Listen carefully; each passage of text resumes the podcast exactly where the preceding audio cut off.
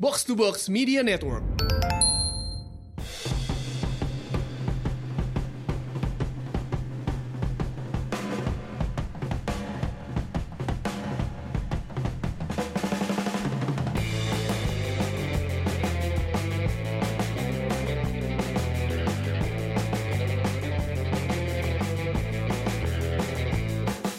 Selamat datang kembali di podcast Umpan Tarik. Kembali lagi bersama saya Aun Rahman. Saya Labib dari gara-gara bola. Oke, mantap. mantap, mantap. Mantap. Apa kabar, Bib? Sehat, alhamdulillah. CS gue gimana nih sehat? Sehat, alhamdulillah. Baik-baik saja. Dunia masih terus berputar. Lo gimana? Eh, ini berarti kan kita kemarin udah disuguhin dua pertandingan tertutup, asik. Ini gua ngomongnya pakai tanda kutip. Tertutup antara timnas Indonesia eh, lawan Afghanistan dan juga lawan Oman. Ini skornya sama kalau nggak salah ya, 3-2 ya. Eh, Tiga dua dan tiga satu. Nah, ya ini kita kan eh sebenarnya juga akhirnya banyak yang dikomplainin kan dengan strateginya pelatih Sinteyong karena eh, close game gitu. Maksudnya close ya game behind the doors, close behind the doors dan lain-lain lah. Sampai pelatihnya Uni Emirat Arab si Bert van Marwijk mertuanya Mark Van Bommel nih, dia bilang kan sampai dia juga mempertanyakan kenapa harus close ya harus pertandingan tertutup karena toh Indonesia eh bisa dibilang ya peluangnya juga kecil gitu. Kalau menurut lo gimana Bib? Kenapa mereka akhirnya menurut- milih tertutup? Close the door ya. Iya.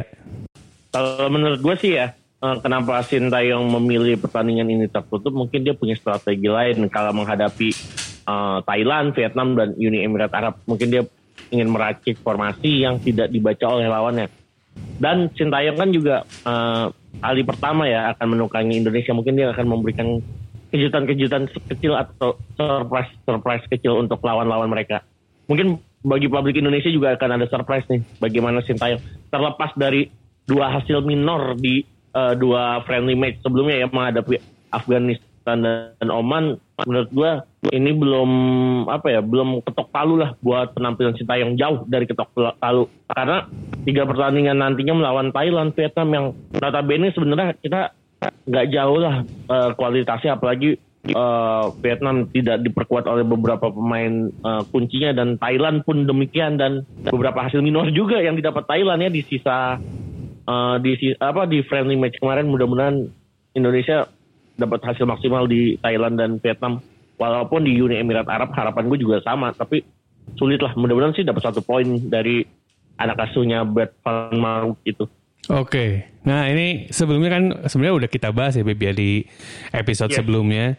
Di ketika kita ya kita nggak bisa judgement secara prematur, kita nggak bisa tiba-tiba wah Sintayong out gitu dari dari dari tiga game tersisa karena kan kemarin udah ya game yang lawan Afghanistan dan juga lawan eh, Oman. Oman Berarti kan yang tersisa emang partai pentingnya itu sih kualifikasi Piala Dunianya, terutama karena eh yang dibawa Sintayong ini adalah pemain muda gitu. Jadi eh ya udah berarti ekspektasinya berarti kan emang untuk the future gitu, untuk eh ke depannya. Gak bisa kita wah Sintayong jelek taktiknya bla bla bla karena yang dibawa juga emang di tiga laga ini kita juga udah bahas di episode sebelumnya kalau Ya ini untuk masa depan timnas di turnamen-turnamen mendatang. Nah, ngomongin pemain muda nih, Labib Sadat.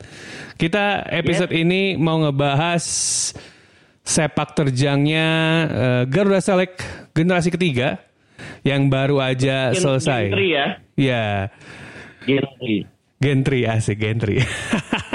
generasi ketiga yang baru aja beres melaksanakan ya istilahnya latihan mereka di Inggris. Ini ada cerita sedikit nih Bib.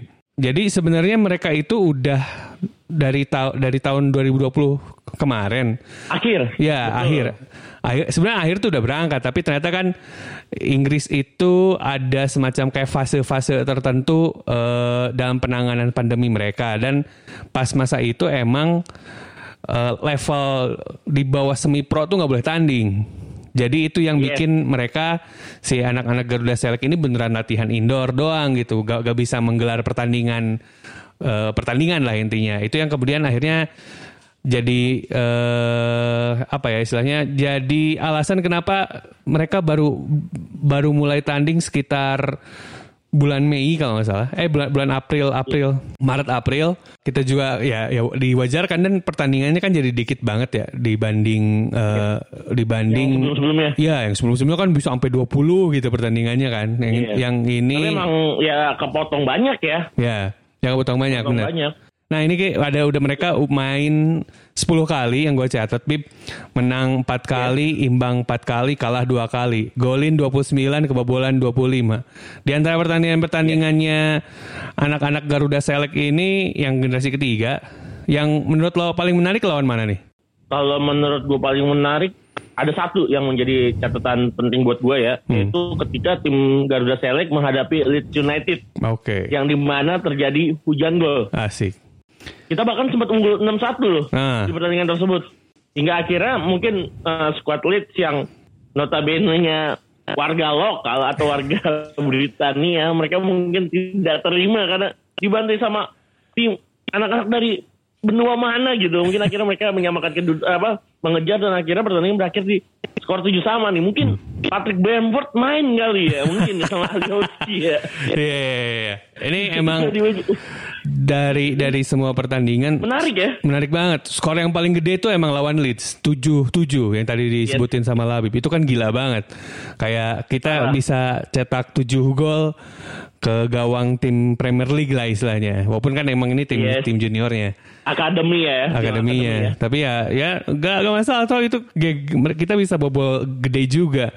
Dan eh, menurut gue di game itu juga eh, banyak pemain yang main bagus. Terutama Faiz Maulana lah, star playernya kan itu juga dia Maulana. dia cetak gol banyak gol di situ.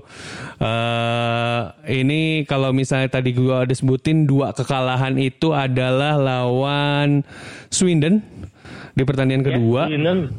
dan juga di laga terakhir lawan City. Di mana kalau ini menurut gue dulu Wib, Dibantai gitu. dibantai. Karena kebetulan gue bikin kontennya juga buat buat buat box to box bola.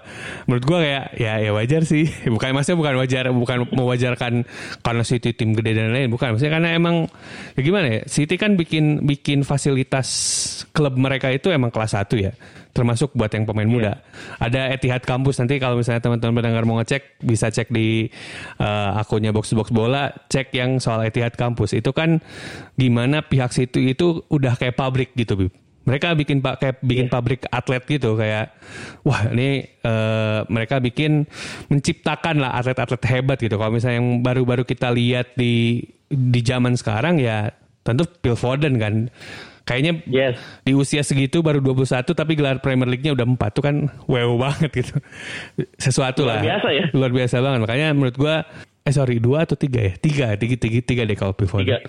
nah ini eh, menurut gua ketika kekalahan lawan City ya beneran kalah kelas kalau menurut gua. Kayak ya ya gimana lagi? Nah kalau lawan Swindon ya mungkin karena game kedua kali ya. Kan game pertama juga seri satu sama dan lawan Swindon kalah. Tapi ke sana sananya trennya positif menang menang menang menang seri. Eh, yang gua lihat mungkin emang pas yang lawan Swindon ini baru datang gitu loh kayak. Eh bukan baru datang baru latihan Baru- ya, baru latihan pertandingan intens. lagi. ya baru pertandingan lagi kayak terus kaget terus ya banyak pembiasaan. Akhirnya kan kalah tuh. Akhirnya lawan kalah lawan Swindon tapi overall menurut gua menurut lo gimana? Overall dari pertandingan-pertandingan anak-anak Garuda Select Garuda Select. ya generasi 3 overall secara umum menurut lo mereka gimana se- sejauh ini? Kalau menurut gue ya dengan memainkan 10 game dan mendapatkan 4 kemenangan di mana berarti 40% dan 4 hasil seri itu menurut gue luar biasa ya dengan anak-anak muda ini dan mereka ini cuma dibekali eh, beberapa pemain dari ex generasi kedua ya. betul betul, Salah betul. satunya eh, salah satunya Rafli Asul atau enggak Edgar Raming. Tapi menurut gue itu nggak masalah. Tapi mereka bisa ngebuktiin dengan eh, sistem yang diberikan oleh tim pelatih dan mereka sempat terhenti kan. Eh, mereka sempat terhenti nggak bermain karena yang tadi kita udah bahas di mana tim semi pro tidak boleh melaksanakan pertandingan eh, aturan di Inggris. Mereka masih tetap memberikan yang terbaik hingga walaupun di pertandingan terakhir mereka di Inggris sana mereka dibekuk sama City dengan kualitasnya ya. dibekuk 4-0 tapi itu nggak masalah. Nilai dari gue sih dari penampilan mereka sih 7 per 10 lah. Dan itu sangat bagus banget. Apalagi pemainnya Indonesia tuh salah satunya ya Faiz Maulana menurut gue itu oke banget sih. Oke, nah ini kebetulan tadi Labib bahas dua nama pemain, Faiz Maulana sama Edgar Amping. Edgar kan kebetulan kita udah pernah interview dia ya di di beberapa bulan yang lalu, pas puasa kalau nggak salah ya. Betul. Nah itu kan dia jadi kapten tim, terus Yes. juga punya hubungan yang rekat juga sama uh, direktur teknik Dennis Wise dan juga pelatih Des Walker gitu. Nah, nah ini yang tadi disebutin sama Labib, Faiz Maulana ini pencetak gol terbanyak Garuda Select generasi 3, 10 gol dia bikin. Ini jauh banget uh, dengan rekan-rekannya yang lain. Skor ya. Ya top skor dia top skor jauh banget dibanding rekan-rekannya lain Eh, Faiz tuh 10 gol Hoki Caraka 5 gol Rafli Aslur 4 gol ini kan kayak jauh banget menurut lo si Faiz Maulana tuh krusial banget buat tim Garuda Select generasi 3 atau gimana nih Mungkin bisa dibilang dia eh, Amiruddin bagusnya generasi ketiga nih dengan torehan yang luar biasa 10 gol dan mungkin dia di ditopang juga oleh beberapa pemain ya. Eh, salah satunya Rafli Asrul kan yang bisa bermain sebagai penyerang lubang karena Faiz Maulana ditempatkan sebagai penyerang utama kan. Terus kehadiran tiga pemain asing, eh, tiga pemain ya Yeah. kalau nggak salah. Eh, tiga pemain asing juga membantu penampilan Faiz Maulana. Berarti dia Faiz Maulana bisa mengikuti sistem yang diberikan coaching staff itu aja. Karena kenapa? Kenapa mereka? Maksudnya gue karena dia bisa mencetak 10 gol berarti ada sesuatu sistem yang bisa dilaksanakan dengan baik oleh Faiz Maulana. Ah oke dia Faiz Maulana berarti rising star lah ya di Garuda Select generasi 3 ini nih Yes. Nah ini tadi kan lo udah nyebutin soal keberadaan pemain asing nih. Kita bahas ada tiga kan. Yes. Ada Lorenzo Bera, ada si Elia yang gelandang, Lorenzo tuh yang striker, sama Kingazi yang fullback. Yes. Cuman kan selama perjalanan menurut catatan gua yang paling dominan main lebih sering banyak tuh kan Elia ya yang gelandang. Lorenzo singkat gua gara-gara cedera. Yes. Eh, ini kan jumlah tiga pemain ini mirip banget ketika kita main maksudnya di- level Liga 1 gitu. Maksudnya walaupun Iya. Liga, Liga Liga 1 ada 4 kan. pemain asing. Iya, ada pemain asing. Iya. Menurut lo positif gak sih keberadaan pemain asing ini? Karena kan maksudnya kalau di Liga 1, level Liga 1 kan level pro ya. Level pro ya, Iya. but- maksudnya butuh butuh buat entertainment, butuh buat peningkatan kualitas, butuh buat banyak hal lah keberadaan pemain asing ini. Nah, menurut lo keberadaan Lorenzo, Kingazi sama Elia tuh ngaruh gak sih buat buat anak-anak Garuda Select? Kalau menurut gue sih eh, dari ketika kehadiran ketiga pemain ini, walaupun selain skill yang mereka berikan untuk tim Garuda Select Jilid 3, tapi ada satu hal apa adaptasi. Adaptasi itu yang maksudnya adaptasi bermain dengan pemain luar. Itu yang akhirnya eh, pengalaman yang luar biasa, experience kan jarang-jarang banget mm, pemain eh, di usia kelahiran 2003-2004 berarti umur 16 tahun, 17 tahun mereka bermain dengan pemain asing itu kan jarang ya, itu experience apalagi eh, perbedaan eh, budaya bahasa itu yang akhirnya bisa dipelajarin oleh pemain-pemain tersebut. Itu yang dijadikan apa ya salah satu nilai tambah. Selain eh, skill yang di- eh, bisa saling tukar tukar bagaimana cara eh, teknis bermain atau segalanya ada ada perbedaan budaya yang akhirnya mereka bersatu di tim Garuda Select Jilid 3 itu nilai positif yang menurut gua bakal mereka dapatkan. Jarang-jarang pemain muda bisa eh, apa ya bermain dengan pemain asing yang seumuran gitu kan mungkin mereka di tim di profesional mungkin udah terbiasa ya ntar di usia 20 21 tuh di tim pro mungkin ntar balik di Persija, Persib, Persebaya mungkin mereka udah biasa. Tapi kalau misalkan di tim muda itu yang akhirnya jadi pengalaman yang luar biasa buat menurut gue itu sih. Kalau menurut lu gimana? Nah kalau gue juga sepakat karena eh, pengalaman baru lah kayak lu usia segitu tapi udah punya partner main eh, orang asing lah istilahnya. Iya. yes. Dan ini se se sepengelihat gue nontonin si series Dream Chaser yang di Mola ya. Ini teman-teman nih seriesnya itu rame banget. Nah ini Gokil tuh, Gokil gokil. banget tuh. Nah ini yang gue lihat si Lorenzo terus juga Elia sama si Kingazi ini kayak kayak membaur aja gitu nggak nggak kayak ngebedain oh gue tuh bukan orang Indonesia gitu. Gue inget ada satu scene sampai si Lorenzo tuh dipotongin rambutnya sama anak-anak Garuda Select yang lain. Itu kan keren banget ya. Kayak kayak Berarti udah men- menyatu banget. udah ya? nyatu banget kan nggak mungkin loh ya kayak kita lah kita kan nggak mungkin uh, dipotongin rambut kalau nggak kenal gitu kecuali barber ya maksudnya kalau di, di tongkrongan kan wah gila aja megang rambut bos itu kan sesuatu yang ini ya Iya. makanya ketika gue lihat sini tuh ya kalau Iya makanya menurut gue oh berarti emang udah nyambung banget dan ini menurut gue ya nanti mungkin kita bahas, bisa bahas ke depan ya.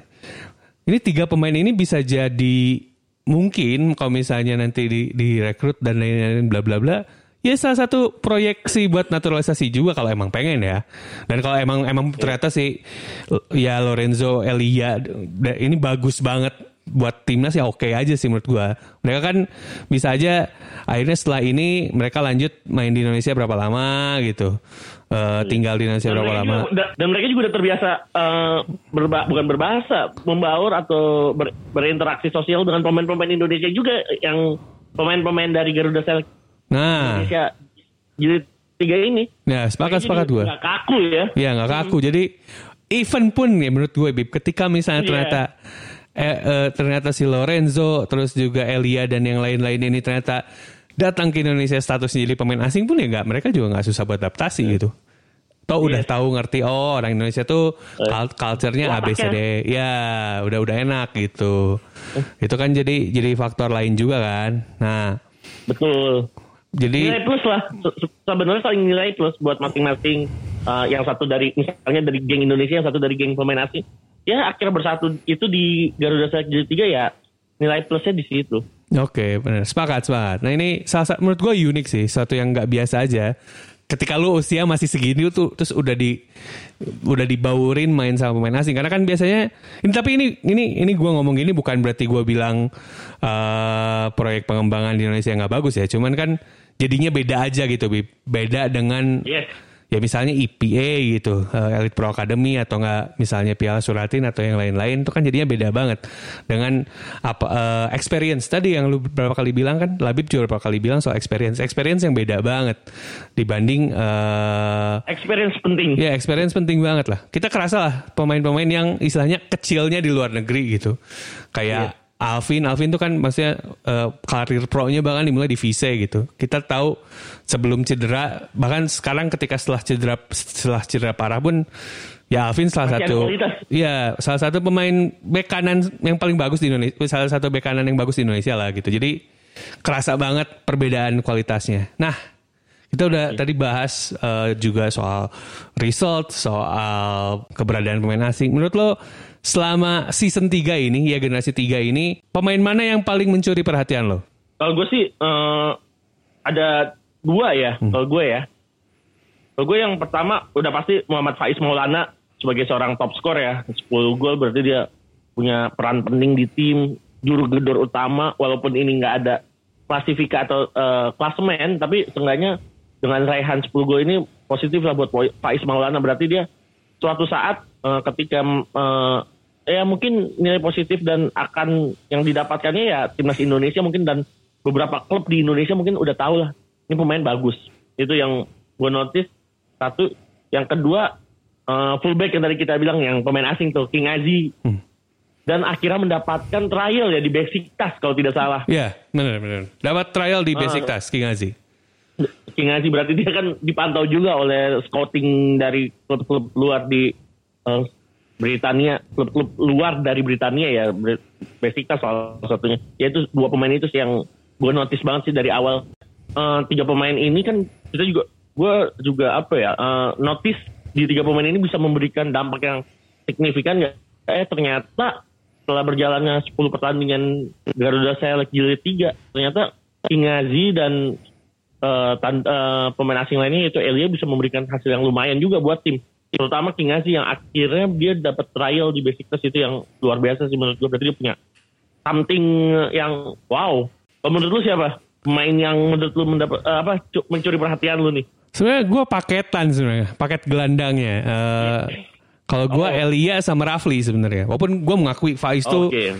itu bakat sensasional lah. Eh, karena dia kan istilahnya juru gedor, terus juga ada di ujung depan lah yang kemungkin yang pasti menyelesaikan peluang. Tapi selama gua nonton pertandingan Garuda Select, yang paling membuat impresi besar buat gua adalah Rafli sama Elia. Karena eh, ini duet gelandang yang asik banget.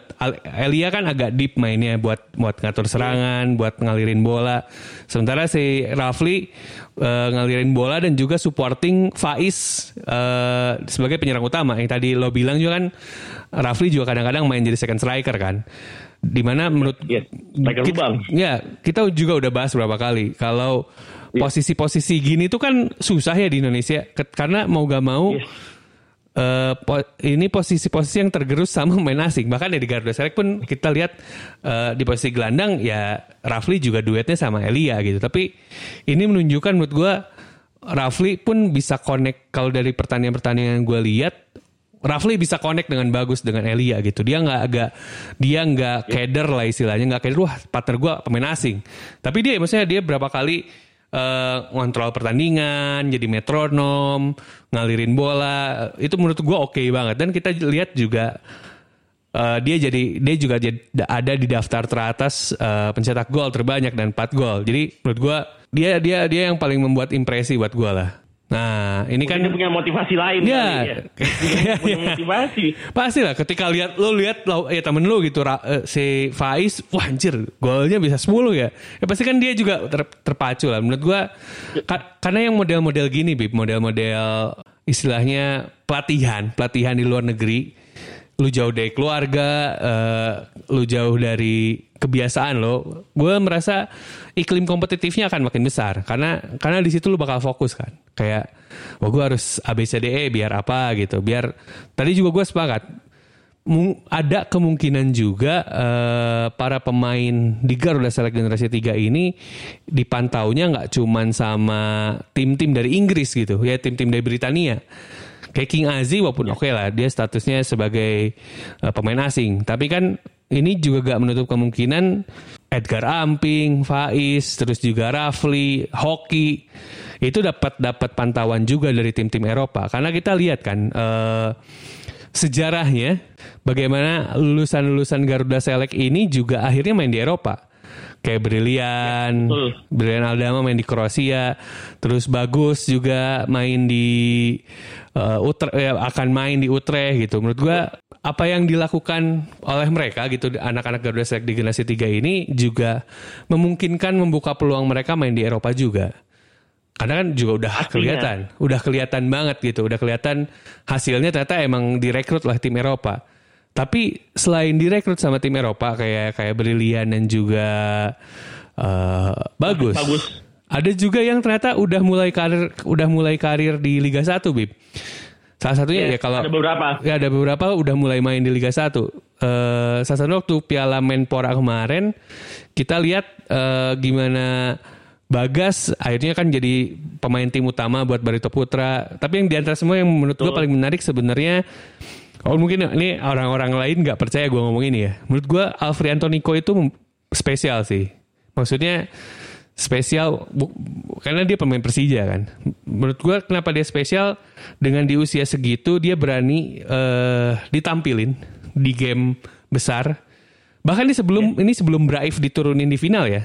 Kita Iya. lihat Alf, eh, Nico itu justru di- dikasih lebih banyak kesempatan oleh pelatih coach Dirman. Oh iya oleh oleh coach Ciderman makanya gue ngerasa gue awalnya ini kenapa dimainin mulu ya si Nico ya? Pas gue lihat-lihat ya karena emang dia punya bakat yang bagus gitu. Dia bisa dimainin di semua area flank dia pede ketika ngiring bola ketika track back ketika eh, harus duel sama pemain lawan gitu. Makanya menurut gue ini kan nggak sesuatu yang nggak mungkin eh didapetin begitu aja. Menurut gue ini juga pengaruh ketik karena dia juga jadi bagian Garuda Select terus juga eh, latihan di, di di Eropa gitu jadi mungkin ada perbedaan-perbedaan makanya ketika ketemu yang lebih senior ya dia nggak takut toh di lapangan sama-sama aja gitu nah ini kalau menurut lo fenomena alumnus Garuda Select yang kemudian main di Eropa dan Liga 1 ini gimana? Kalau menurut gue ya, wah, gue mengutip eh, kata-katanya hmm, salah satu mantan pelam- pemain timnas dan coach sekarang yang pernah kita eh, wawancarain tuh coach Imran Naumaruri. Dia bilang seharusnya emang pemain-pemain muda Indonesia ini kita sekolahkan ke luar negeri karena bagaimanapun walaupun dia tidak bermain di luar negeri nantinya ketika bermain di Indonesia dia bakal lebih maju bisa lebih maju satu langkah atau dua langkah dari pemain-pemain yang cuma berkompetisi di apa berlatih dan berkompetisi di lokal. Eh gue ngeliat yang Ni- Nico bahkan kemarin ketika coach Dirman eh, menempatkan dia sebagai back sayap kanan menggantikan eh, Ismail Sofyan, dia tidak tanggung dan dia bermain cukup oke eh, ketika bertahan, ketika menyerang dan ketika menghadapi yang tadi ketika menghadapi pemain-pemain yang lebih senior kemungkinan besar dan dia tidak kayak tidak takut dia punya mental yang bagus. Uh, gue juga apa ya menggarisbawahi uh, obrolan lu yang tadi uh, Aun yang lu bilang uh, ketika pemain ini apa um, berlatih di Eropa pasti mereka lebih apa ya lebih pede lah itu aja pemain-pemain ini lebih lebih siap menghadapi uh, tekanan jadinya itu sih gue ngeliat sosok Tiko mudah-mudahan ini semua terjadi di pemain-pemain Garuda Select ya yang waktu itu dari season 1, season 2 bahkan yang season 3 ketika menghadapi apa pun kompetisinya mau di kompetisi lokal Indonesia atau ketika mereka berkarir di luar mereka tidak takut dan mereka siap dengan sistem yang diberikan pelatihnya karena mereka udah terbiasa nah. menghadapi berbagai sistem itu. Nah, gue sepakat sama lo, Bib. Karena mereka kan jauh ya, Bib. Itu juga itu po harus poin di garis bawahi. Ini gue bukannya me mendiskreditkan pembinaan yang lokal, enggak. Pembinaan lokal juga bagus karena buat gue salah satu EPA terbaik di Indonesia adalah punyanya Persebaya dan kita lihat uh, hasil-hasilnya. Ya Rizky Rido, Koko Ari, uh, Rian dan lain-lain. Tapi kita juga gak bisa menafikan istilahnya anak-anak Garuda Select juga punya kualitas yang uh, mumpuni juga gitu. Karena ya mereka jauh dari keluarga bib. Ketika lo jauh dari yeah. keluarga kan ada banyak e, perasaan emosional yang bikin lo bakal terpacu gitu. Wah gue harus bagus gue jauh dari keluarga gue harus buktiin diri gue gitu. Itu yang menurut gue makanya salah satu faktor yang kemudian uh, bikin anak-anak Garuda Select ini mungkin jadinya beda sama sama sama teman-teman seangkatannya yang lain di ke depannya ya. Maksudnya di, di, ketika mereka kemudian sama-sama tanding anggaplah mungkin di level Liga 1 bakal kelihatan bedanya karena tadi juga lo udah singgung juga soal uh, coach Imran sebagai alumnus Bareti dia kan ya? Yes, betul dia Bareti dulu. Nah, kita lihat kan di generasi itu mana yang alumnus Primavera, mana yang alumnus Bar itu tuh kelihatan banget bedanya kan dengan pemain-pemain lain lah gitu. Kayak ya, ya, be ya beda aja. Walaupun emang oke okay lah ada yang bilang e, ternyata perjalanan ke Italia tidak terlalu membuahkan hasil. Hasilnya kan masa yang namanya result apalagi urusannya pembinaan menurut gue subjektif. Lo bisa bilang sukses atau enggaknya tuh ada banyak variabel lah nggak bisa lo bilang eh uh, uh, jelek lah gitu masa tep, karena kita juga lihat gimana Kurniawan punya karir yang oke okay. Kurnia Sandi jadi kiper legend gitu terus ya coach Imran juga punya karir yang bagus di ketika masih main bahkan lanjut jadi pelatih juga dia dia bagus ya Ian Tumena juga makanya menurut gue yes. gue termasuk yang pro uh, kita sendiri ya gue sepakat sama coach Imran kalaupun ternyata akhirnya nggak main di luar negeri si anak-anak muda ini. Setidaknya kualitas mereka meningkat itu beda beda dengan yang uh, istilahnya latihannya di domestik Indonesia. Dan sekali lagi gue tekankan gue bukan berarti bilang sistem bola kita gak bagus banget gitu. Gue ada yang bagus tapi kan kita juga mesti humble dan juga menyadari diri gitu. Kalau ya emang kita ketinggalan gitu dan kita butuh butuh iya. bantuan. Kita butuh bantuan yang udah lebih jadi yang udah lebih jago untuk uh, meningkatkan kemampuan kita gitu. Kita nggak bisa ego dong. Wah uh, kita juga bisa gitu gituan ya. Nggak nggak juga gitu. Karena gue paling agak agak kesel terutama kelulusan SAD ya. Maksudnya ketika yeah. orang ngomentarin lulusan SAD nanti kita bahas lagi lebih detail ke de di depan. Ah uh, apa bedanya anak-anak yang ke Uruguay dengan anak-anak yang uh, main di ESL U21 emang sih ada beberapa yang kemudian gagal. Ya kita harus admit itu gitu. Tapi kan yes juga kita juga cek alumnus SAD juga ada yang tam karirnya bagus juga ya. Rizky Pelu oke. Okay. Banyak, banyak. Banyak banget. Ryuji, Ryuji, Yanto Basna. Yanto Basna. Yan Nah, Novri Setiawan juga. Novri Setiawan. Itu kan alumnus SAD yang karirnya oke okay, kan. Betul. Makanya iya. mungkin kalau ada yang gagal, sorry gue potong. Uh. Mungkin kalau ada yang gagal, ya itu emang mungkin ya ya namanya kita bertanding seperti bertanding ada yang menang ada yang kalah. Ya kita tidak boleh pukul rata. Ada yang ada yang gagal satu dianggap lulusan ini gagal atau enggak eh, nggak uh, juara uh, generasi ini gagal nggak bisa tapi pemain-pemain ini minimal mereka bisa berkarir panjang aja di uh, kompetisi Indonesia dan menampilkan penampilan yang terbaik bahkan bermuara ke timnas itu juga udah lumayan menurut gue. Nah, gue sepakat. Makanya kita nggak bisa nggak bisa uh, bikin judgement uh, SAD. Contoh ini contoh, kita baru SAD dulu ya kita bahas ya. SAD yes. gagal. Yes dari uh, misal uh, Alan Marta yang karirnya sekarang nggak tahu ke mana gitu kita nggak bisa nggak bisa patokannya nggak bisa itu dong masalahnya kan Rizky Pelu sekarang jadi pemain uh, timnas, terus main di klub besar terus gitu.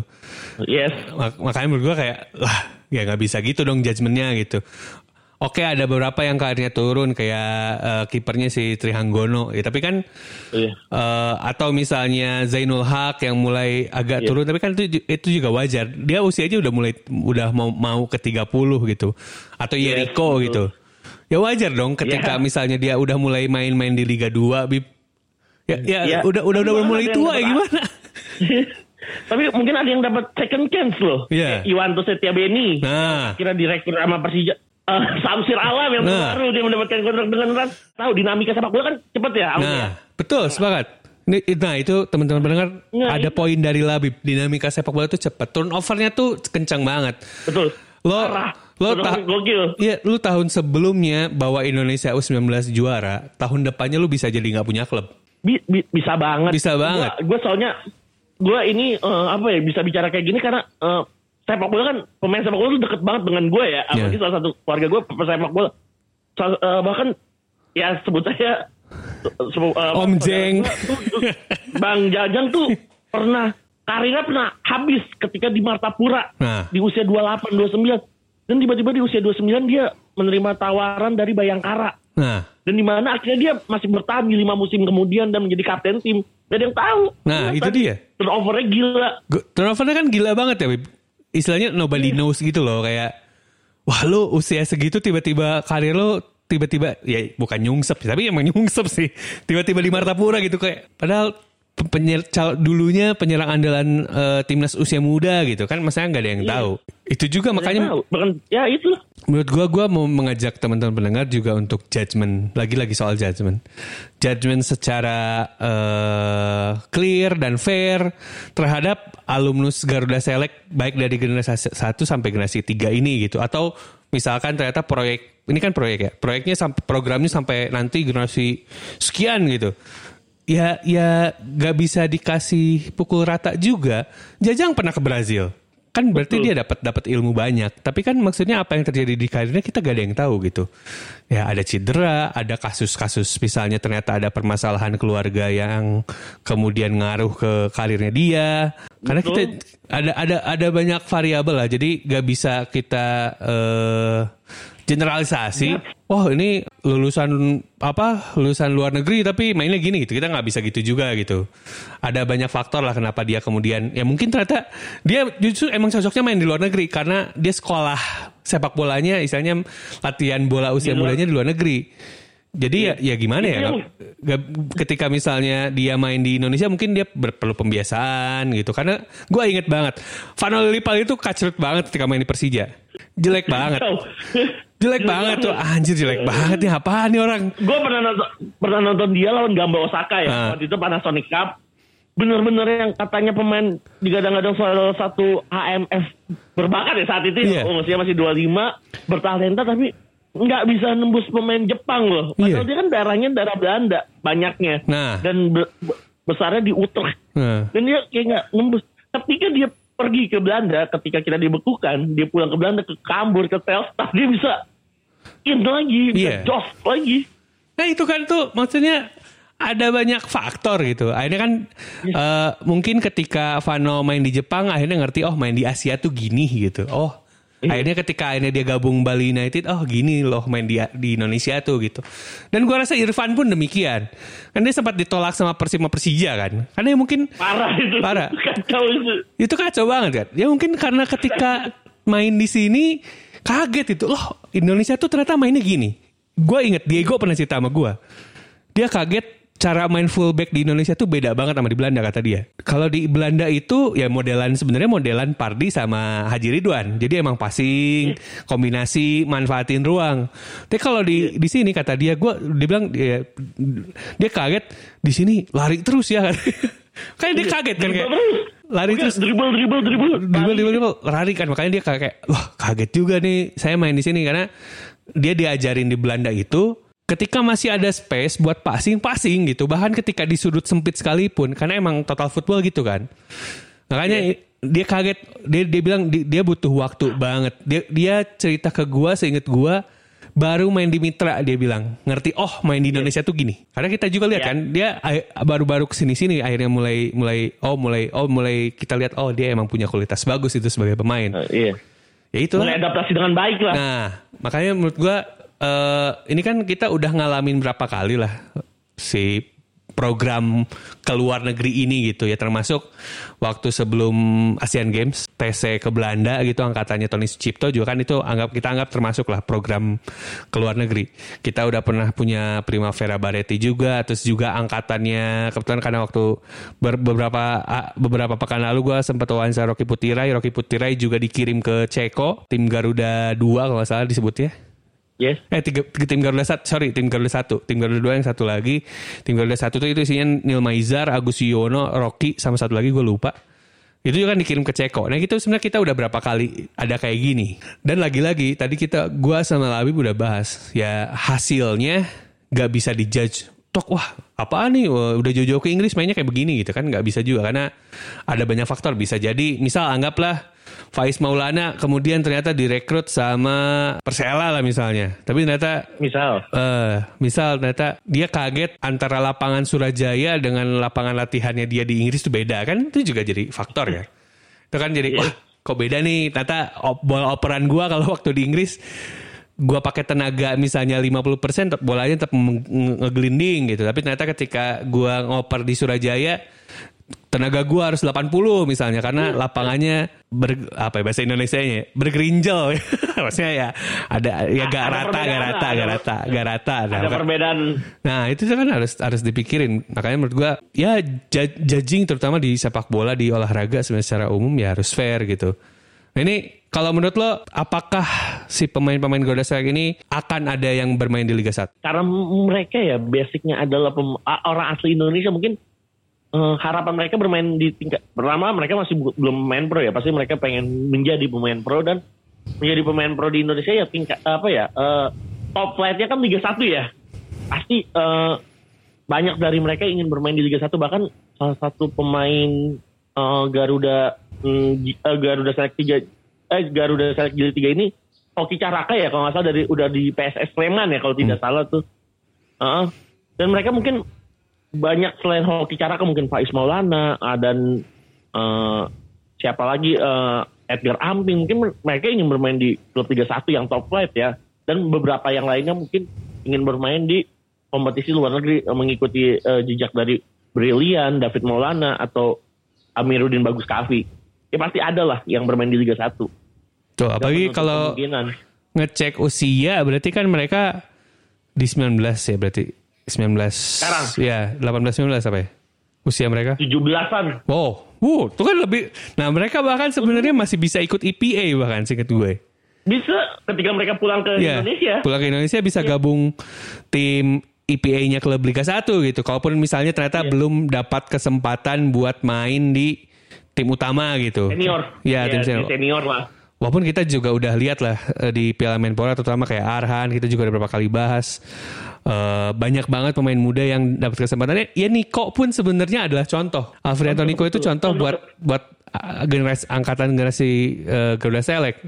Lo jadi uh, gen- uh, lo terbang ke Inggris ketika pulang Indonesia ya lo ternyata bisa ngesing gitu lo bisa bisa bisa adaptasi dengan cepat juga nggak jadi wah susah nih beda atau nggak gimana atau nggak karir lo jadi turun Erlangga pun menurut gua kalau misalnya ini Erlangga Setio yang kiper barunya persis Persis. ya itu kalau misalnya Teja Paku Alam nggak ada Blimade udah pensiun gitu. Ya mungkin dia kiper utama cuman kan masalahnya ya ya kiper kiper kip- ya Akil juga nggak ada gitu misalnya. Masa kipernya banyak, lagi banyak banget. Masa tim punya kiper 6 gitu? Dengan kualitas lu semua bisa dimainin di Liga 1 level Liga 1 ya. Ini kita gak bicara Iya. bakal menang atau kalah tapi bisa dimainin di level Liga 1 itu kan berarti ada 6 Persib waktu itu waktu sebelum Erlangga pindah ke Persis.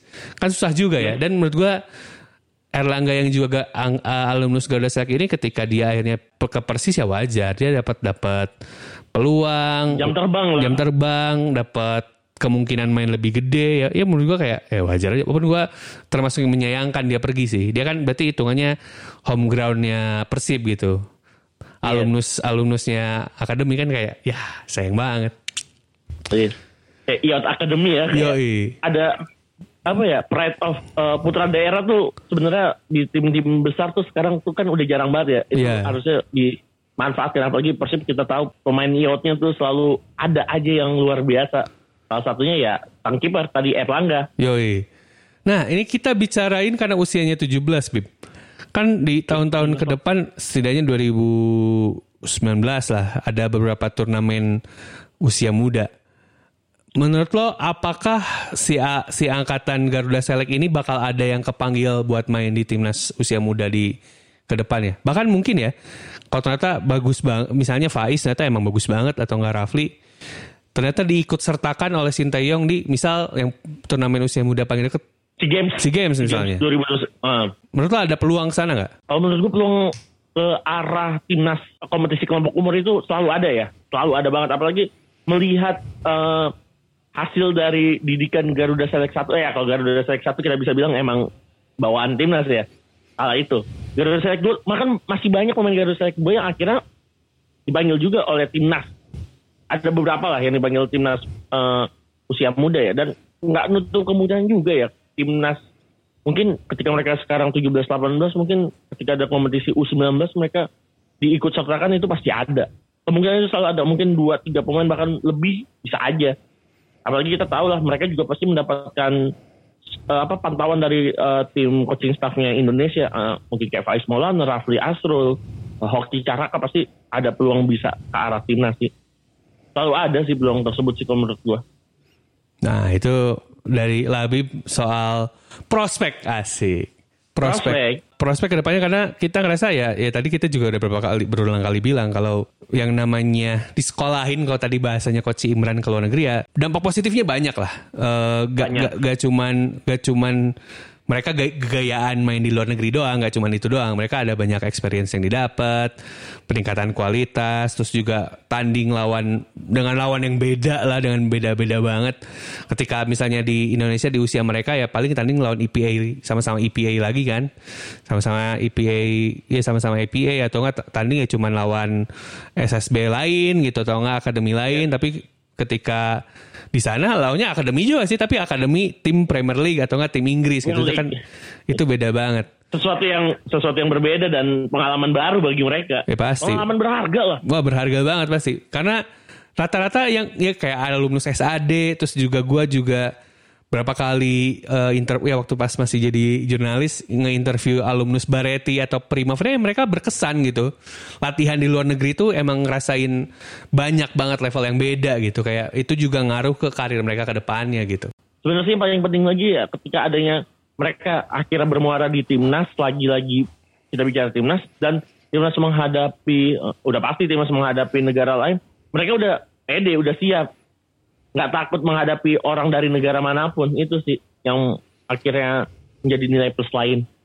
Oke, nah itu itu juga insight bagus dari lo Abi. Bagaimana nantinya ya anak-anak ini yang nggak takut. Karena kita juga sering lah ngeliat ketika timnas main, ya ketika timnas main lawan misal negara-negara yang badan-badannya lebih gede gitu kan. Kayak langsung ciut, aduh gede nih badannya. Atau enggak yang larinya jauh lebih cepat dibanding kita gitu. Kayak aduh larinya lebih cepat. Ya jadi kan wah ini juga per- perbaikan mentality juga kayak kayaknya juga dip- dipengaruhi ketika lo bukan Ya, ketika lo eh, latihan di luar negeri.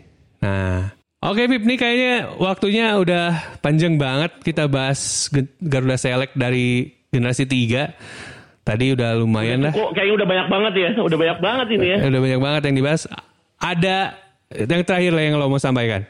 Kalau dari gue sih apa ya mungkin eh, jangan sampai eh, kesempatan-kesempatan berlatih di luar negeri ini eh, berhenti begitu saja. Apa pun programnya, siapa pun providernya atau yang ngebuat, yang ngefasilitasin, tolong berikan selalu yang terbaik buat bangsa ini. Karena walaupun jangan eh, apa ya kita ngejudge-nya itu berdasarkan hasil jangan, tapi ngelihat mereka ini berguna bagi klub dan bangsa dan negara itu sih paling penting gue. Mantap. Hashtag percaya proses. melihat proses. ya melihat proses. Jadi melihat proses. Eh gue emang penting banget sih sekolah di luar negeri itu ada apa ya? Enggak nggak sebenarnya nggak non akademis kayak sepak bola ya. Akademis pun kan ada pengaruhnya juga. Ya, ya. Semangat, semangat, semangat. semangat. Mental. Iya, itu sih sebenarnya yang harapan gue sih itu aja. Mudah-mudahan selalu ada kayak Primavera selanjutnya, Bareti selanjutnya, atau apa SAD selanjutnya itu selalu ada lah. Eh, Gar pun Garuda Select mungkin jilid 4, 5, 6 Ah. dan seterusnya. Oke, mantap. Kayaknya sekian dulu nih episode kali ini. Eh, Teman-teman tadi kita juga udah bahas Garuda Select. Kalau misalnya emang pengen karena pertandingan mereka udah beres, kalian bisa rewatch di Mola pertandingannya dan juga eh, ngikutin series Dream Chaser itu model kayak dokumenternya mereka dan itu asik banget buat ditonton. Eh, Gokil. Gue itu gokil banget lah buat tonton. Seru seru lah, maksudnya itu kayak lo eh, kayak lo pada nonton eh, model-modelnya dokumenternya Tottenham gitu gitulah yang yang di Amazon gitu yang Dan- mod- model-modelnya kayak Dan gitu-gitu. ini live ya. Ya dan ini live. Dan ini live jadinya enak buat enak banget dan juga ada beberapa eh, situasi yang interaktif juga.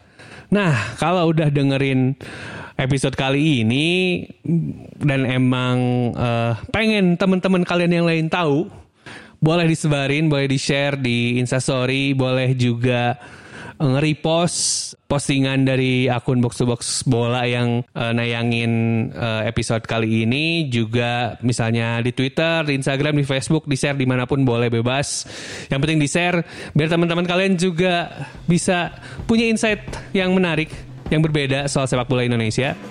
Sekian dulu episode kali ini. Saya Aun Rahman pamit. Selalu sadar. Cabut. Assalamualaikum warahmatullahi wabarakatuh.